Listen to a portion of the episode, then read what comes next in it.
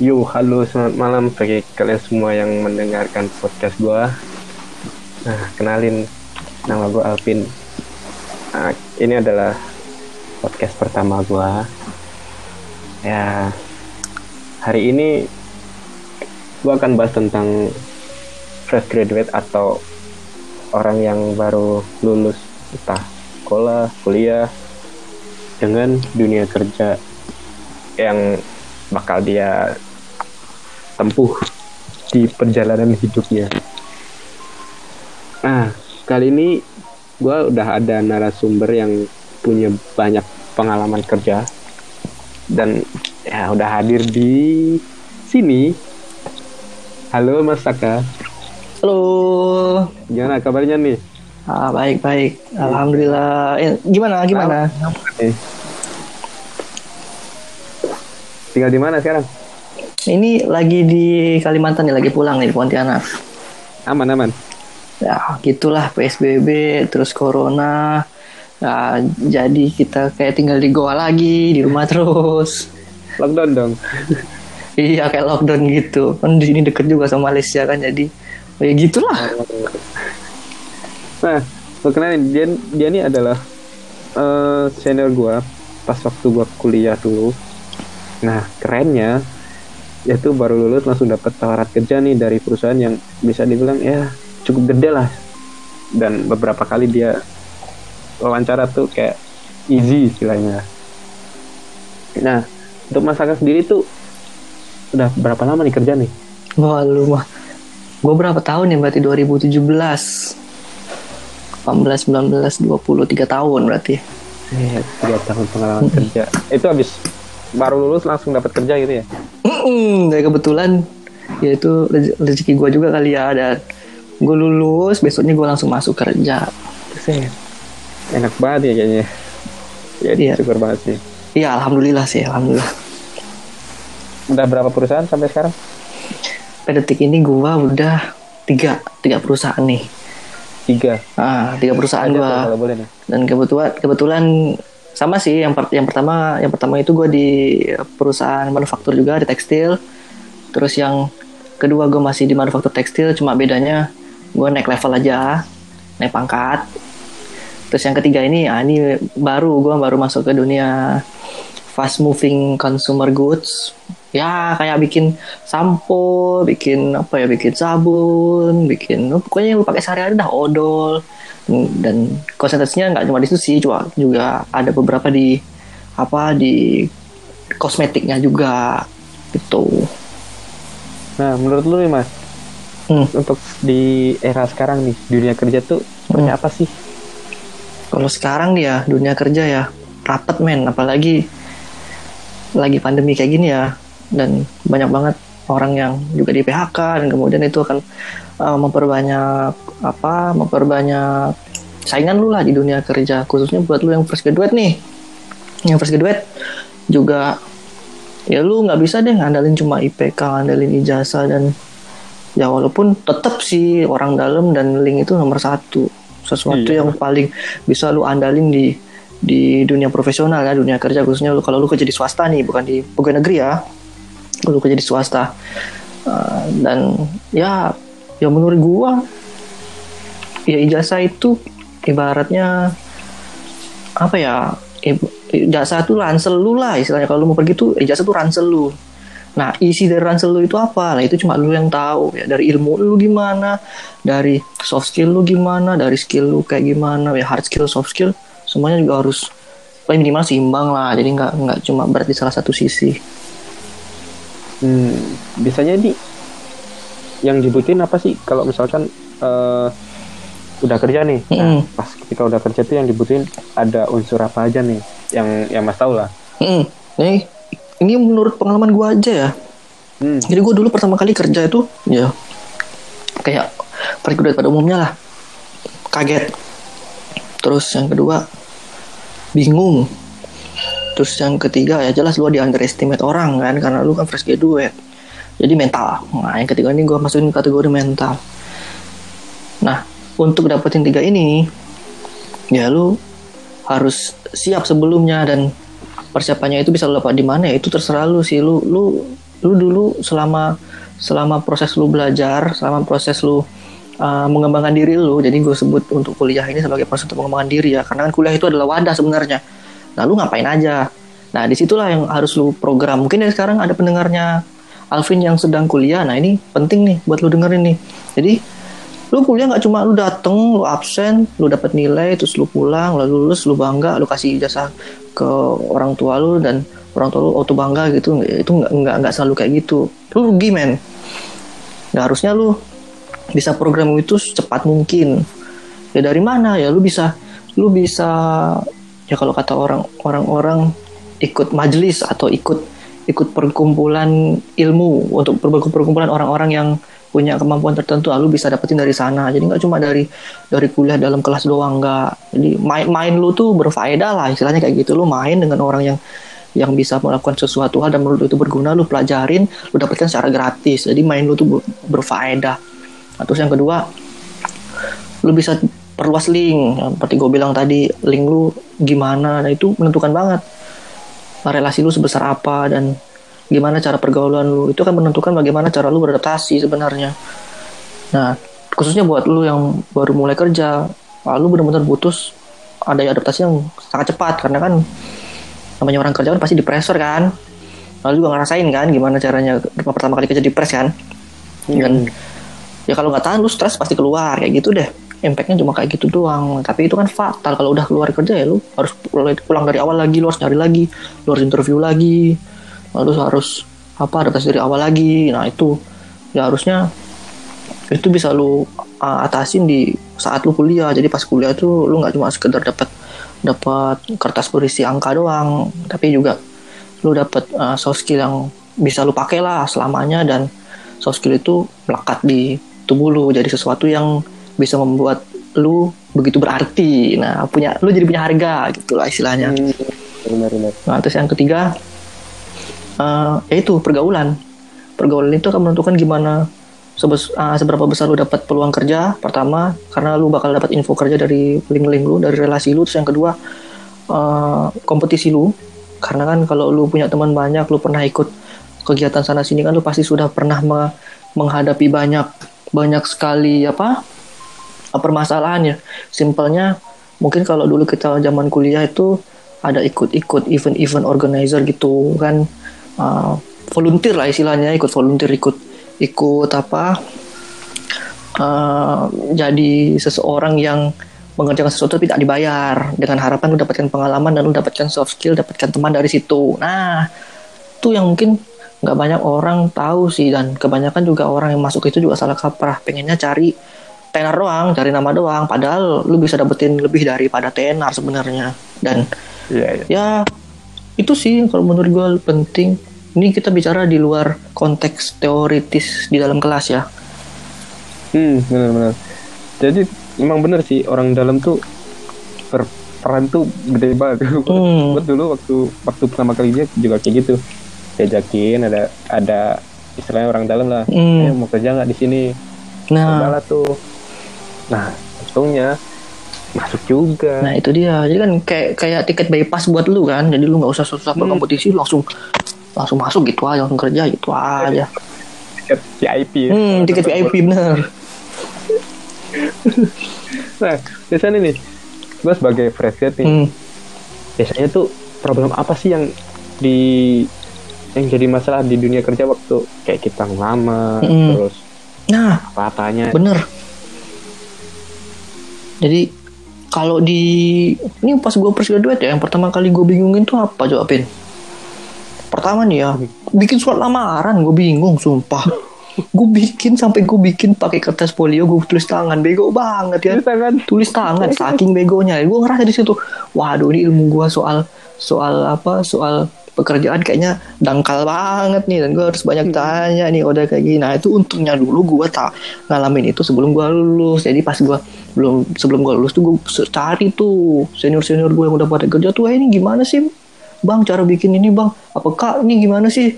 Kalau mau ngelamar itu gimana sih? Dan ternyata gue juga baru tahu juga surat lamaran itu juga tergantung instansi atau tergantung hmm. perusahaan yang lu lamar. Ada memang yang minta tulis tangan kayak kemarin CPNS kemarin kan juga pakai tulis tangan beberapa ada. Hmm. tapi ada juga yang minta pakai bahkan ada yang minta pakai aplikasi tertentu atau pakai blog atau pakai portfolio. Nah itu juga portfolio itu ternyata juga salah satu dari ini dari apa surat lamaran dan ya banyak orang atau banyak fresh graduate juga nggak tahu itu termasuk gue juga waktu itu nggak tahu. Dan itu itu Eh, problem pertama ini sih yang gue dapetin. Ada juga yang perusahaan itu cuma nerima apa namanya kayak is- istilahnya poster gitu loh Hmm, diri dia poster. gitu kan Iya. ngirim gitu Jadi ada yang beda, ternyata beda juga antara kurikulum kurikulum, apa kurikulum vitae sama resume. Kok belepotan banget ngomong ya? Ya itu deh, kurikulum vitae sama resume itu juga beda. Ternyata gue juga baru tahu. Ya terus gue tak baru taunya pas gue ngelamar-ngelamar kerja itu. nah terus nah ini nih pas waktu kuliah nih kan di, di kuliah tuh pasti ada dong namanya organisasi Hmm, ada. itu tuh ada nggak sih pengaruhnya kalau pas kita mau kerja Nah ini ini gue nggak tahu ya kalau di orang lain kayak gimana ya. Tapi kalau di gue ada. Jadi pas gue dulu pertama kali gue kerja, ini kita bicarain fresh graduate berarti pekerjaan pekerjaan pertama ya. ya Nah, benar pekerjaan Yang pertama gue dulu itu langsung dapat posisi posisi yang lumayan lah ya. Gue dulu dapat posisi yang lumayan di level supervisor. Padahal gue belum punya pengalaman kerja tuh. Ya karena itu, karena apa? Karena pengalaman gue dalam berorganisasi dan gue juga baru tahu kalau itu bakalan punya impact yang gede banget pada saat lu kerja. Nah, di lain sisi padahal pada waktu lu kuliah juga kerasanya kan ya pertama lu cari teman jelas kan yang kedua lu cari kesibukan biar lu nggak gabut di kosan Nah, terus yang ketiga juga kadang lu juga pengen apa pengen tahu sesuatu yang baru yang yang menurut lu itu sulit dicapai ya lu masuk organisasi ya lu bakal ketemu dengan kesempatan itu tapi bareng-bareng kan jadi lebih ringan kan?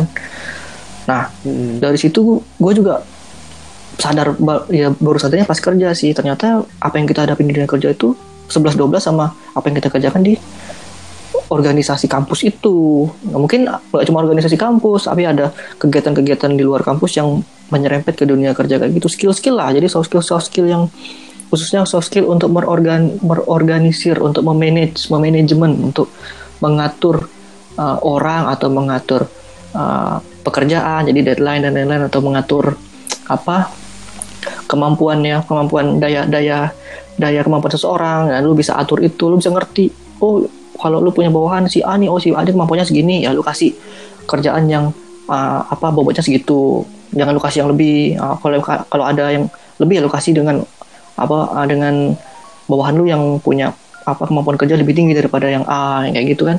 Itu kan lu dapetin di organisasi dan itu sense sih kalau menurut gua. Jadi nggak nggak nggak bisa nggak bisa lu nggak bisa lu teorikan dengan semerta-merta tapi juga butuh sense butuh apa ya sense sense tuh bahasa Indonesia apa sih?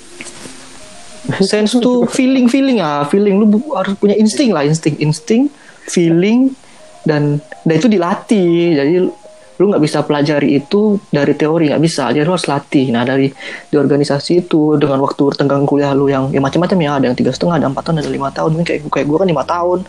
Lalu bakal dapetin itu di dunia organisasi itu. Gila ya langsung dapat ini supervisor nah itu alhamdulillahnya. Ya ya, ya itu rezeki gue juga sih. Ih, gede banget impactnya ya. Hmm, gede banget kan. Jadi gue juga nggak tahu kalau impactnya bakal sebesar itu ya gue sadarnya pas gue udah masuk kerja. Ya itu begitu gue masuk kerja, gue langsung dikasih. Jadi gue dulu langsung di under manager gue langsung. Jadi gue langsung ngomong, ini kerjaan lu, ini anggota apa bawahan lu, ini departemen lu, orangnya segini-segini.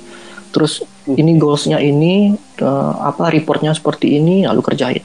Ya Udah gitu doang, nggak ada itu yang namanya training. Terus nggak ada itu yang namanya masa percobaan, gak ada gas.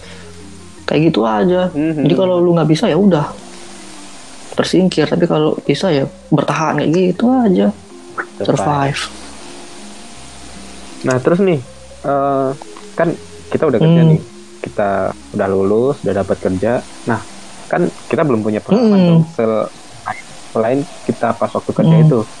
Nah gimana caranya sih kita bangun portfolio kita sendiri, sedangkan kita baru, misalkan baru jalan setengah tahun, Hmm. lima Hmm. bulan dan sebagainya. Itu tuh ada nggak caranya itu? Kalau gue dulu, gue bangun portfolio malahan bahasa dari masih kuliah malahan. Jadi yang pertama ya lu masuk kuliah itu ya lu, lu juga harus harus tahu jurusan yang lu ambil apa terus yang kedua lu harus tahu tuh larinya bakal ke mana arahnya bakal ke mana kalau lulus nah yang ketiga ya ibaratnya lu mau berangkat nggak hiking lah ya, mau berangkat apa mau berangkat misalnya lu mau berangkat pet- berpetualang nah selama lu kuliah itu tas lu itu lu mau isi apa? Nah itu itu persiapannya di situ sih. Jadi itu juga lu ya portfolio itu ya bekal lu itu sebenarnya dan pencapaian atau achievement apa yang lu dapat lu bisa masukin ke portfolio kan. Jadi portfolio itu atau achievement lu itu juga tergantung sama bakal lu. Kalau gue dulu kayak gitu sih. Jadi dari awal gue udah udah planningin oh gue mau gue ngincernya itu ke de- ke apa ke dunia. Kalau dulu gue pengen jadi profesional kan gue jadi profesional nih. Gue masuk ke sana. Terus gue pengen ke ke apa kebetulan ke ke misalnya ke ke industri industri apa? Industri otomotif ke industri apa soft engineer atau produksi web dan lain-lain kan macam-macam tuh. Lalu lu tentuin. Nah kemudian lu pikir aja kira-kira lu pengen jadi pengen, pengen punya kerja yang kayak gimana? Lu tipe kalau orang yang slow pengennya lu kerja pulang terus uh, kalau ada ada pressure juga dari satu arah misalnya kan lu males males orangnya males apa males mikirin males multitasking lah istilahnya kan ya lu ya itu aja lu siapin aja pekerjaan yang arahnya ke sana kayak gimana dan apa aja yang dibutuhin. Yang pertama yang jelas lu harus nurut misalnya kan. Lu harus uh, nurut sama bos lu terus lu harus ngerti karakter bos lu terus lu harus bisa adaptasi dengan bos lu. Nah, gampang. Atau mungkin lu ngincar sesuatu yang lebih sulit. Di atas di atasnya itu misalnya lu masuk ke dunia manajerial ya berarti kan lu udah nggak ngerjain lagi dong berarti kan lu yang ngasih kerjaan dong. Nah apa aja tuh yang mau yang yang harus lu siapin? Lu lu terawang aja tuh pas lu mas lu mau masuk ke sana. Oh gue berarti gue harus bisa bagi waktu. Ya pertama itu dong jelas dong lu harus bisa bagi waktu lu sendiri baru lu bisa bagi waktu waktu. orang lain kan. Nah kalau udah bisa bagi waktu lu bagi lu apa tingkatin sense lu untuk adaptasi jelas tuh. Yang kedua dari adaptasi itu lu bisa dapetin tuh oh kalau kalau lu ketemu orang baru lu bisa cepet tangkap. Lu ngerti oh dia tipikal orang seperti ini dan ini nih kemampuannya seperti ini yang dia suka ini yang nggak dia suka ini. Nah itu penting tuh dunia kerja karena sampai segitu iya karena banyak banget orang yang keluar kerja itu kadang nggak betah dan lu harus ngerti sense itu. Kalau lu jadi atasan ini gua ini ini pengalaman gua aja ya. Nggak tahu nih kalau ada yang lebih expert daripada gua. Mhm. Ya, itu penting men supaya apa? Supaya orang betah kerja sama lu itu sebenarnya. Nah, terus yang ketiga juga lu butuh power kan kalau lu. Secara kalau lu punya posisi lu nggak punya power yang ada apa men? Yang ada lu nggak didengerin kan sama bawahan lu. Pertama Iya. terus yang kedua lu disepelein. Iya, men. ya di diabein. Apalagi lu fresh graduate nih. Lu fresh graduate lu pegang posisi gua ngalamin Bener, tuh. gua wah, wah udah itu. Namanya orang kerja kan nggak lihat strata pendidikan lagi. Yang dilihat apa? Pengalaman kerja kan? Nah ini gua Aman. Cerita aja nih jujur aja jujuran aja nih. Pas gua masuk kerja pertama kali yang yang gue pimpin itu ya memang kebanyakan di ada kebetulan gue S1 kan ada S1 ada D3 ada juga sih yang S2 beberapa tapi kan mereka pakai jasa S1 nya nah terus ada juga yang cuma S- mamat nih SMK gitu SMA gitu. Tapi tetap aja mereka itu lebih daripada kita men walaupun kita S1 kenapa? Karena pengalaman kerja itu lebih banyak. Dan lu harus sadar juga di Indonesia ini pengalaman kerja pengalaman kerja ya khususnya ya, pengalaman kerja itu lebih Hmm. dihargai daripada ijazah sebenarnya. Karena apa? Pengalaman itu real. Dan pengalaman itu bisa dipertanggungjawabkan daripada ijazah ya.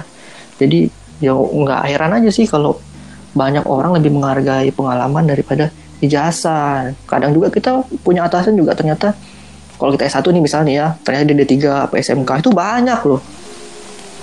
Banyak yang kayak gitu. Dan di level gue sendiri aja waktu itu yang mohon maaf nih pendidikannya di bawah gue juga banyak tapi bukan berarti mereka di bawah gue enggak ya karena mereka punya pengalaman lebih lebih banyak. Jadi bis karena duluan mereka nah masuk. jadi mereka jauh lebih expert daripada gue dan nah itu PR lu tuh gimana caranya lu gak disepelein pertama terus yang kedua lu berarti kan lu harus bisa adaptasi dan cepat dan yang ketiga lu harus bisa tunjukin taring lu tuh di mana tuh kemampuan lu di mana. Nah di situ tuh PR banget buat lu sebagai fresh graduate untuk menunjukkan oh gue itu punya kualifikasi yang sama nih minimal dengan orang-orang yang udah lama kerja gitu. Punya punya nilai bener banget. Itu yang bakal jadi apa penilaian ke perusahaan terima lo apa enggak? Hmm, kalau menurut pengalaman gue sih kayak gitu. Dan gue juga punya teman beberapa ya bukan beberapa banyak juga teman gue yang di HRD dan gue juga kalau kerja selalu deket sama HRD HRD karena emang tipikal gue orangnya supel. Ya kan gue orangnya supel suka berteman. Gue gak pernah pilih-pilih teman jadi yo gue nggak tahu lu nya- orangnya dulu kayak gimana dan lu siapa gue nggak peduli yang penting kalau lu ada di lingkungan gue dan lu orangnya asik pasti gue temen berteman sama lu ya itu kebanyakan mereka ngomongnya kayak gitu sih memang eh, nggak tahu nih ya kalau dari HRD sebenarnya gimana tapi yang gue tahu dari teman-teman gue yang HRD itu ya mereka emang cari orang-orang yang kayak gitu Oke, oke. Mantap. Nah, ini nih. Kan di dunia kerja nih ada gue pernah dengar ada satu platform yang khusus untuk dunia profesional. Kalau nggak salah itu namanya ya LinkedIn ya. link LinkedIn ya Itu ada peran nggak sih? Nah, ini ini juga gue baru tahu juga dari temen gue. Dia dia HRD juga kan di kantor gue. Nah, dia Hmm. ter- waktu gue ngelamar ke tempat ke perusahaan gue yang ini nih. Nah, itu juga waktu itu dia tahunya gue ya dari LinkedIn juga. Jadi secara nggak langsung ya mungkin semua orang pakai sosmed ya. Termasuk lu juga pakai sosmed kan. Nah, Pakai. sosmed itu yang lu, lu tahu apa aja? Instagram. Terus apa Instagram lagi? dong. Twitter. Terus apa lagi? Twitter, WhatsApp. apalagi ya WhatsApp ya lain dan lain-lain kan nah tapi nggak banyak yang tahu kalau link ini ternyata juga termasuk salah satu sosial media cuma bedanya di LinkedIn itu isinya cuma cuma apa ya cuma hubungan kerja lah mungkin sebatas hubungan kerja dan sebatas apa ya sebatas portfolio. Dan bukan berarti itu nggak itu nggak penting. Ternyata itu penting dan lu nggak boleh samain bagaimana lu memakai sosial media ini yang satu ini ya LinkedIn ini dengan lu pakai sosial media yang lain. Nggak boleh. Karena memang beda dan peruntukannya juga di situ isinya orang-orang penting kan dan itu benar-benar nunjukin oh lu tuh orangnya kayak gini dan lalu harus benar-benar hati-hati lah kalau pakai sosial, sosial media itu bukan berarti itu berbahaya bukan tapi ya memang Ya. dari sana karena di situ, di situ juga banyak orang-orang penting yang yang istilahnya mereka melihat secara profesional ya juga lu otomatis juga harus bersikap profesional di situ ya menyesuaikan Nah, terus nih kan zaman sekarang nih online Mm. online kayak ada toko online Mm. semua lah Mm. serba online lah. Nah, Mas kan bukan Mm. orang IT nih, tahu. Dong. Nah, itu tuh penting nggak buat orang yang bukan orang IT tapi eh, ngerti penting. Penting kalau menurut gue penting. Kenapa? Karena yang pertama kita ini udah masuk ke du- industri 4.0 ah, jadi semua semua semua siap. semua Networking. semua harus networking secara cepat kan? Lu kan tahu kan industri kan ah, apa dunia industri kita kan udah melewati empat fase nih. Yang paling baru kan ini networking. Dan blog itu termasuk salah satu networking. Jadi itu penting men. Jadi istilahnya ya walaupun lu bisa apa nggak bisa lu harus bisa. Sama kayak internet. Orang dulu pada nggak ngerti internet tapi lu harus bisa internet. Kalau nggak lu ketinggalan. Gitu aja. Simpelnya kayak gitu. Bener. dan Heeh. itu semua tergantung lu. Kalau lu males ya udah lu tersingkir. Seleksi alam lah. Kayak covid nih kan. Ya gitu malah ngomongin covid. Ntar kan kembali ke topik lah Nah, sama sebenarnya kayak covid. Kalau Iya, iya. kalau lu, lu lu bisa berpikir dengan dengan bijak dan cermat ya lu survive nih di survive. Five. tapi kalau lu nggak bisa ya udah lu kesingkir termasuk blog juga sama pin. Jadi kalau lu nggak ngerti blog ya cepet-cepet lah lu belajar sekarang blog karena apa? Ya dari blog itu juga sebagai sebagai salah satu platform buat portfolio juga bisa. Terus bisa juga Benar, jadi benar. salah satu soft skill lu. Oh ternyata orang ini bukan orang IT ternyata bisa apa blog nah berarti kan lu um, uh, ada nilai Ada plus nilai apalagi plus. tapi kalau lu oh ini orang IT nggak bisa blog akhirnya mulai debat debat nilai minus kan itu juga makanya lu ya gue bilang itu tadi ini seleksi alam jadi lu mau nggak mau harus bisa ngikutin sama kayak kayak kayak sekarang ini kayak gitulah Hmm. Terus nih kita ngomongin masalah gaji atau Hmm. salary lah, Hmm. iya kan? Pasti pasti fresh gitu kan, Ya. kan? Ih, gaji di sana berapa sih? Gaji sana berapa sih? Padahal nih ada sebagian orang yang men- yang menganggap tanya gaji itu iya ada benar-benar benar nggak? Nah itu biasanya ada langsung kasih tahu angka atau kasih Nah, rate ini-. Jadi ini ini khusus buat fresh graduate ya nah Iya. gue bukan trainer profesional tapi gue cuma sharing aja dan ini pengalaman nyata gue jadi yang pertama nih buat lu, lu fresh graduate nih. Banyak sih yang udah ngomong juga lu jangan terlalu terpatok sama angka lah. Ya mentang-mentang lu S1 dari mana? Apa misalnya lu dari dari perguruan tinggi yang ternama atau lu dari luar negeri mungkin lu terus lu datang lu masuk kerja lu lupa kalau lu fresh graduate lu minta gaji langsung tap lu sebut angka. Wah itu blunder men.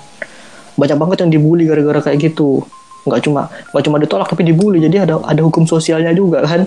Jadi secara secara personal lu dihukum lu ditolak kan oleh pekerjaan tapi secara secara apa secara sosial dan bermasyarakatnya lu dihujat gara-gara lu nentapin harga terlalu tinggi. Nah itu juga problem. Jadi buat lu semua ambil pelajaran dari situ lah. Lu jangan terlalu sebut angka. Dan HRD juga sebenarnya pintar. Dari situ dia bisa ngelihat ya mungkin semua orang pasti ngalamin wawancara kerja kan termasuk lu juga ngalamin kan wawancara kerja.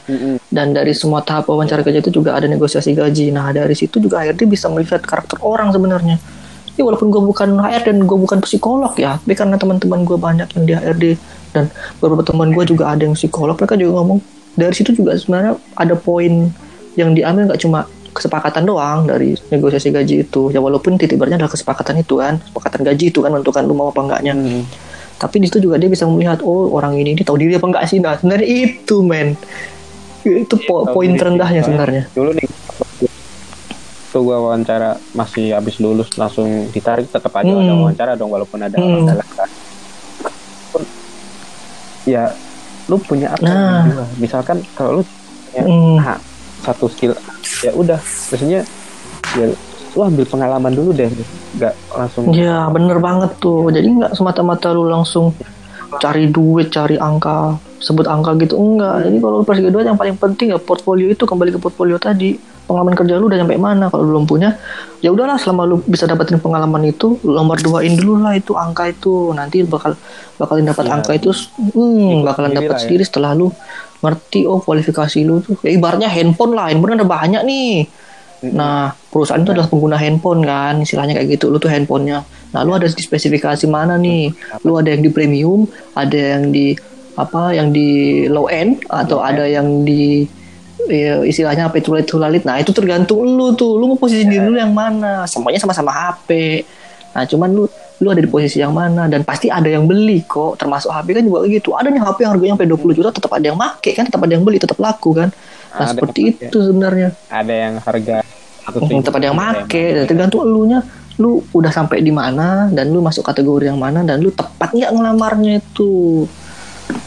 Ah, bener tepat. Kadang kita ngelamar di tempat yang Hmm, iya lagu, juga sih. anjir. kadang gue juga pernah sih kayak gitu tapi ya itu buat pengalaman aja. Kalau menurut gue nggak usah terlalu dipikirkan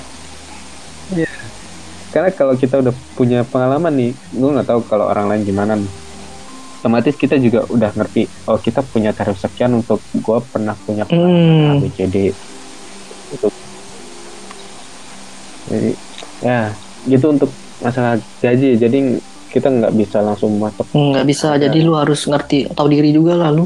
Ada di level mana sih dan tidak semerta merta lu bisa samain dengan semua gaji di dari ujung sawah sampai juga nggak bisa tuh. Nah ini juga penting nih dan sebagai fresh graduate juga lo harus juga jangan goblok-goblok banget lah istilahnya. Kan di, du- di dunia kerja tuh ada upah minimum regional UMR kan?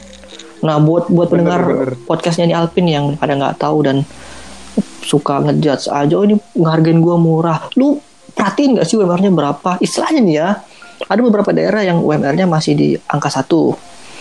Ada 1,5 1,7 ada juga beberapa daerah yang udah sampai 2 sampai 3 kali lipat dari itu. Misalnya ya Hmm. di kota-kota besar lah ya udah sampai 3 juta 4 juta juga ada.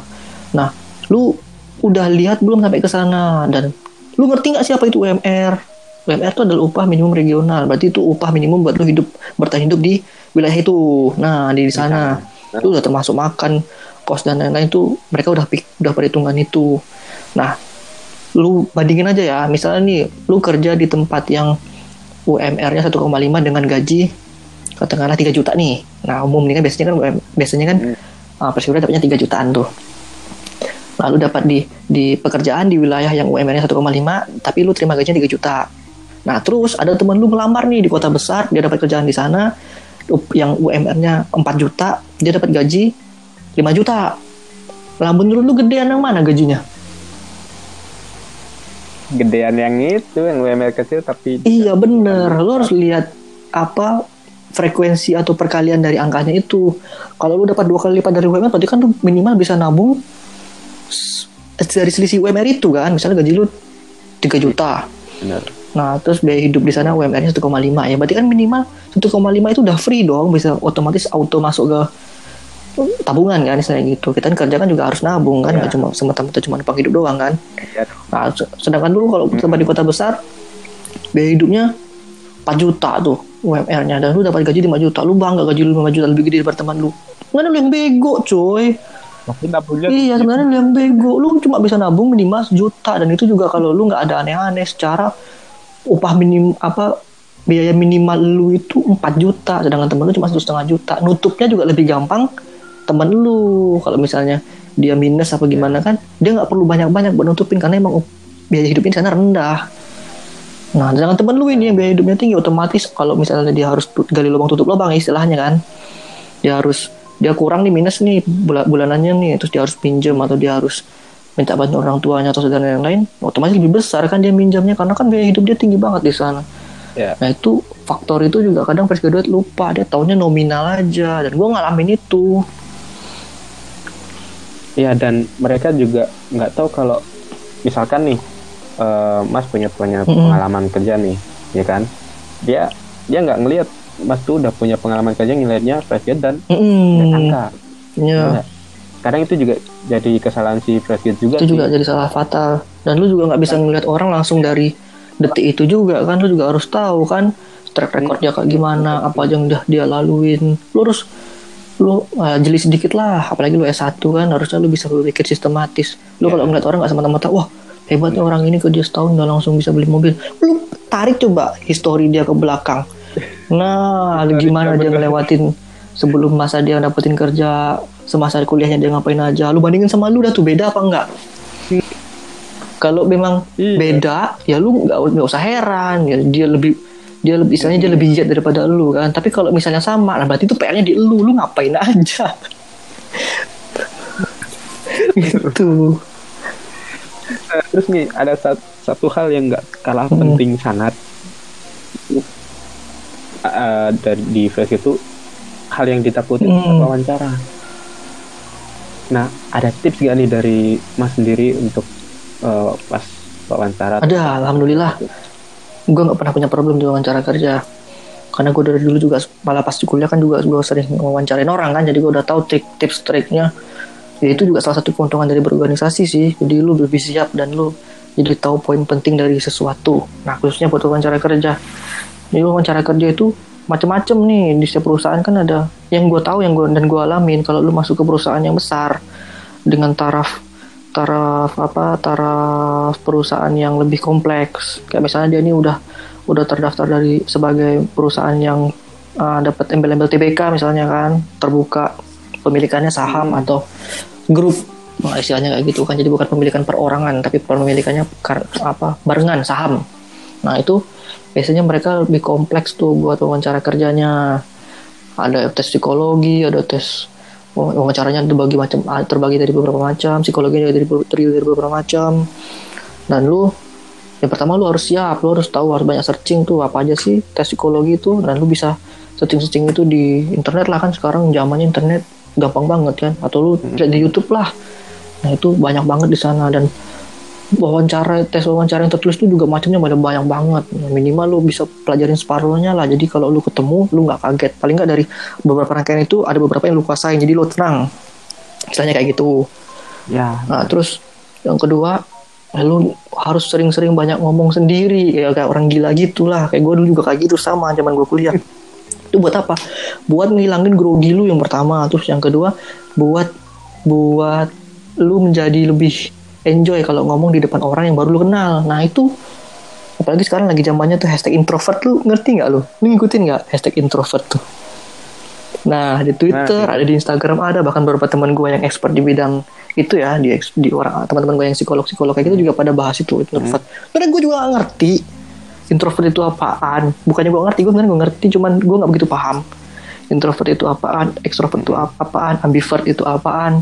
Dan gue sendiri gue nggak ngerti ada gue ada di golongan yang mana. Termasuk lu juga pasti nggak tahu kan lu ada di mana lu introvert. Extrovert apa ambivert?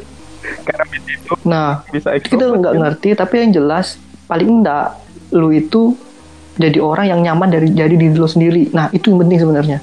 Perkara lu introvert extrovert eh introvert ya extrovert ya terus apa ambivert ya itu yang penting lu nyaman dulu.